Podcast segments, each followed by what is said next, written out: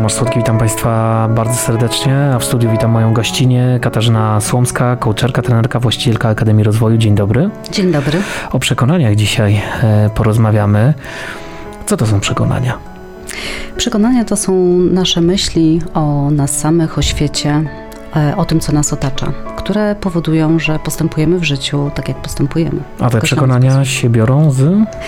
Przekonania biorą się tak naprawdę e, od naszych rodziców. E, pierwsze właśnie od nich dostajemy.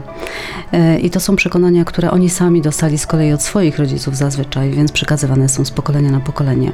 Potem idziemy do szkoły, najpierw do przedszkola, idziemy do szkoły, potem w kolejne środowiska, do pracy i wszędzie tam mówi się nam, co mamy robić, jak mamy myśleć, jak jest poprawnie, żebyśmy myśleli. I to właśnie e, wszystko składa się na nasze przykłady. No dobrze, ale jak tak y, przekazuje się to z pokolenia na pokolenie, to gdzie w tym wszystkim jest indywidualizm? No właśnie, e, wtedy, kiedy e, trudno nam się wyzwolić właśnie z określonego środowiska, albo kiedy na przykład dochodzimy do wniosku, że powielamy w życiu pewne schematy, okazuje się, że właśnie żyjemy nie swoimi przekonaniami, tylko żyjemy przekonaniami naszych rodziców. Myśli, jakie mamy o sobie, o świecie, o tym, co powinniśmy zrobić, jaką, jaką pozycję w świecie powinniśmy zająć, bardzo często właśnie zabieramy od naszych rodziców. Albo nasi rodzice nam tak mocno je wpoili, że zaczynamy po prostu w to wierzyć. Tracimy indywidualizm tak naprawdę w okresie dziecięcym bo wtedy właśnie rodzice mają największy wpływ. Do siódmego roku życia dziecko widzi mamę i tatę jako cały swój świat i tak naprawdę nic wokół się nie liczy. Wszystko, co mama powie, jest prawdą. Jeżeli mama albo tata powie, nie nadajesz się do niczego, nie potrafisz tego zrobić, nigdy ci się nie uda, nigdy ci się nie powiedzie, nigdy e, nie będziesz sportowcem, nie będziesz pianistką, to dziecko uwierzy w to, bo, bo to jest prawda oczywista, którą mówi najważniejsza osoba na świecie. No to jeśli rodzice są wspierający, to co, wtedy e, przyszłe życie jest dużo lepsze?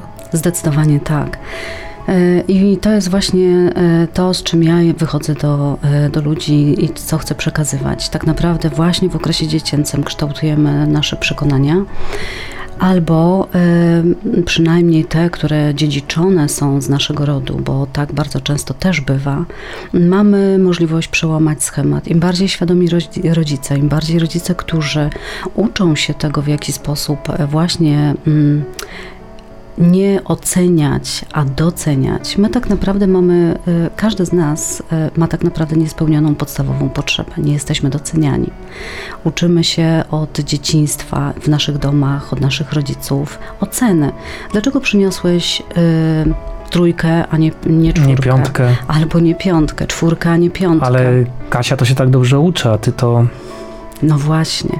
I to jest właśnie to, to jest właśnie ocena, to jest porównywanie. I to są właśnie nasze, i później prowadzi to właśnie do tego, że mamy o sobie określone przekonania, które doprowadzają do niskiego poczucia własnej wartości.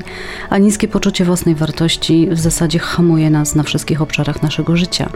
Nie wierzymy w siebie. Nawet jeżeli osiągniemy sukces, to przypisujemy to szczęściu, a nie sobie samemu. Udało się. Dokładnie tak. Zobacz, jak często e, myślę, że sam wiele razy słyszę, słyszałeś, tak, od, od rodziców, czy, czy jako w ogóle obserwator, tak, z ust innych rodziców.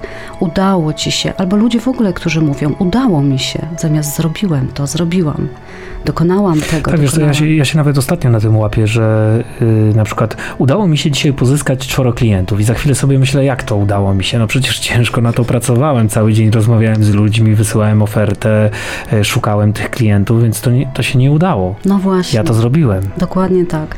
I my, e, mój syn e, gra na pianinie. Ja grałam kiedyś na skrzypcach, sama gram na gitarze, też trochę na pianinie.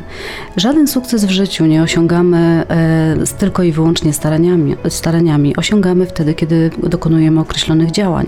A dokonujemy określonych działań wtedy, kiedy wierzymy, że możemy to zrobić. No to jest ciekawe, że słowa mają takie mocne znaczenie. Pamiętam naszą wczorajszą rozmowę, kiedy przygotowywaliśmy się i powiedziałaś muszę i za chwilę mówisz o nie, to jest słowo przemocowe. Sama się na tym łapię, dokładnie. Słowo przemocowe, ale takie tak. zdanie, ja pamiętam, tak. że takie coś powiedziałaś tak. i sobie tak od razu zacząłem myśleć, jak dużo słów do siebie mówimy, które rzeczywiście są tak. przemocowe. No właśnie, bo my musimy, bo zobacz, co się stało dzisiaj w świecie tak naprawdę. Bardzo dużo rzeczy jest niezależnych od nas. I kiedy my nie wierzymy w siebie, kiedy mamy określone przekonania o siebie i o świecie, a przede wszystkim o siebie w świecie, to my musimy, musimy sprostać oczekiwaniom, musimy sprostać wyzwaniom e, i właśnie znowu nałożonym przez przede wszystkim rodziców, a potem dopiero e, przez szkołę, no bo musimy przecież mieć e, dobre oceny. E, musimy mieć dobre zachowanie. Zobacz, dzieci, które są indywidualistami, pytałeś o indywidualizm. Dzieci, które są indywidualistami, niestety w naszych polskich szkołach nie są mile widziane. Dzieci, które są bardzo aktywne, które zadają dużo pytań, a przecież właśnie dziecko poznaje świat przez zadawanie pytań, przez doświadczenie, przez obserwację dorosłych. To może system jest źle skonstruowany, ponieważ ma tworzyć, nie wiem, robotników, którzy będą posłusznie wykonywali zadania swoich szefów, szefów fabryk, y, miejsc, w których pracują, a nie kreowali.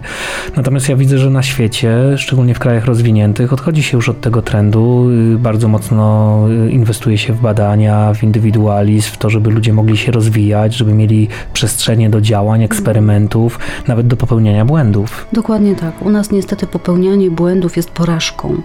I dzieci, które popełniają błędy, e, bardzo często obwiniają siebie, e, no właśnie, znowu mają te przekonania, że one muszą sprostać oczekiwaniom.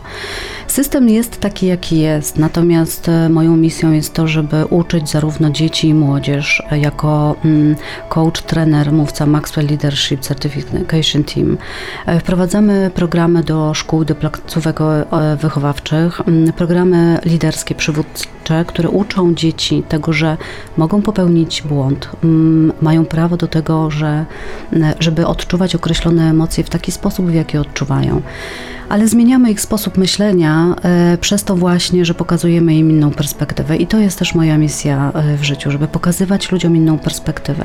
Że nawet jak systemy nie działają, nawet jak one nie są w pełni sprawne i poprawne, to my sami, każda, każda jednostka ma wpływ na swoje życie i możemy to zmienić. Dużo tego. E, to od czego zacząć? Zacząć tak naprawdę od tego, żeby zastanowić się, kim jestem i czy to, co w życiu robię, czy spełnia e, moje oczekiwania i moje potrzeby, czy czuję się szczęśliwa, szczęśliwe. Wiesz co, ale to tak jak sobie myślę, teraz na przykład tak, nie wiem, Bóg choćby. Mhm. E, jak jest się z rodziny wierzącej, to Bóg mhm. staje się centrum świata i on jest najważniejszy. I nawet e, osoba, która, no nie wiem, pomyśli sobie, nie ma Boga, ponieważ jest ewolucja na przykład, to boi się nawet tak pomyśleć, ponieważ przez lata miała wpajane do mhm. głowy, że to jest grzech mówienie czegoś takiego. Więc, y, więc jak to wszystko zmienić? Jak, jak przestawić w swojej głowie myślenia na dany temat, żeby je przeformatować i zacząć myśleć tak, jak my chcemy, a nie tak, jak chcieli nasi rodzice, dziadkowie, mhm. społeczeństwo, kultura, środowisko, szkoła. Rany, ile tego? Nie jest to tak naprawdę trudne. Wychodząc z założenia, że Bóg jest miłością, to tak naprawdę miłość, ta czysta, bezwarunkowa miłość, e, chce dla nas jak najlepiej. Miłość nie zna żadnych granic. Miłość nie ma żadnych ograniczeń. Miłość nie ma żadnych negatywnych aspektów w sobie przez sam fakt, że jest miłością. Dlatego właśnie ja pracuję z miłością i e, pokazuję ludziom, że ani wiara, mam różnych klientów. Klientów, którzy są wierzący, którzy wierzą w Boga, którzy wierzą w źródło, którzy wierzą we wszechświat. Nie ma to znaczenia. Tak naprawdę to, w jaki sposób nazywamy tę siłę sprawczą, która tak naprawdę w nasze serca, w nasze dusze wlewa miłość, e, jest jedną, jedną siłą. E, my ją nazywamy inaczej. I wychodząc od tego, że my jesteśmy stworzeni na obraz tej właśnie miłości, to tak naprawdę powinniśmy uwierzyć w to, że jesteśmy najlepszą wersją siebie, taką, jaką jesteśmy dzisiaj, na dzień dzisiejszy. To jest bardzo ciekawe. Ja kiedyś taką piosenkę napisałem. Ja czy Ja, a może Jezusa zapytam, czy Jachwę to Kryszna, czy ja. Dokładnie. No i właśnie, gdzie, gdzie, gdzie jestem ja w tym wszystkim? No i znowu e, kolejny bardzo, kolejną ważną rzecz poruszyłaś, dlatego że ja też mówię e, wszystkim, że tak naprawdę przez ostatnie kilka lat poznałam bardzo wiele technik różnych e, i interesowałam się też religioznawstwem jako bardzo, bardzo młoda dziewczyna, ponieważ sama pochodziłam z domu przymocowego i zaznałam w swoim życiu bardzo dużo takich negatywnych, złych rzeczy ale zawsze miałam w sobie, w duszy i w sercu takie poczucie, że to, jak będzie wyglądało moje życie, zależy tylko i wyłącznie ode mnie. Przy oczywiście e, wierzę w to, że jest jakaś siła sprawcza, która czuwa nade mną. I z tymi osobami, które wierzą w Boga, które wierzą w anioły, pracuję z aniołami, ponieważ e, pracuję z przewodnikami duchowymi. Z tymi osobami, które nie wierzą, e, pracuję po prostu z, ze źródłem, z siłą sprawczą, którą czują. No i teraz zapytałeś, jak się w tym wszystkim odnaleźć. To jest naprawdę proste. Po prostu uwierzyć, że ja tak naprawdę jestem prowadzona, prowadzony i że mogę zmienić swoje życie e, i że naprawdę nikt absolutnie nie może mi w tym przeszkodzić. Zaufać sobie. Zaufać sobie. Mm, I wszystkie nauki, jakie czerpiemy z życia, po prostu czuć w sobie, czy to jest zgodne ze mną, czy, e, czy ja to czuję, czy nie, moje ciało nie buntuje się przeciwko danej myśli, danej doktrynie, bo jeżeli takie właśnie jest, to znaczy, że to nie jest moja droga. Każdy z nas podąża innymi drogami, ale tak naprawdę idziemy do tego samego. Wątków mam dużo, y, rozmowa bardzo ciekawa, ale jeszcze chciałem zapytać o to, jak y, choroby się pojawiają w ciele przez to, że mamy dużo stresu albo, mhm. albo gdzieś tam ktoś nam coś zaszczepił do głowy. No właśnie, mówiłam o myślach. To, co o sobie myślimy, to są nasze przekonania. Każda myśl wyzwala w nas określoną emocję. Jest to mechanizm, którego uczę na, na warsztatach, ale właśnie te kumulowane emocje, ale to też są emocje, które my przejmujemy właśnie od rodziców, niekoniecznie też e, tylko od mamy w okresie płodowym. I to już są badania naukowe, e, które udowadniają dokładnie to, że również w naszym kodzie genetycznym, w DNA mamy właśnie zaszczepione określone emocje do trzech pokoleń wstecz. Jakby nie będę już tego wątku tutaj mhm. pogłębiać, ale tak właśnie jest. Nauka już to udowadnia dzisiaj.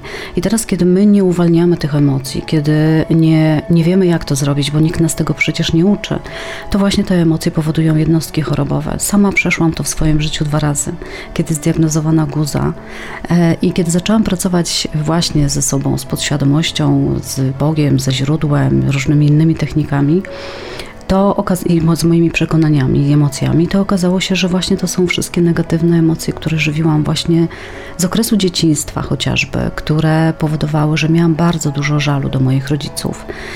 Dzisiaj e, w pełni akceptuję to, mm, że taką rodzinę sobie wybrałam, że to doświadczenie ukształtowało mnie taką, jaką jestem, że moi rodzice też mieli swoją historię i nie potrafili inaczej, bo też e, nikt ich tego nie nauczył.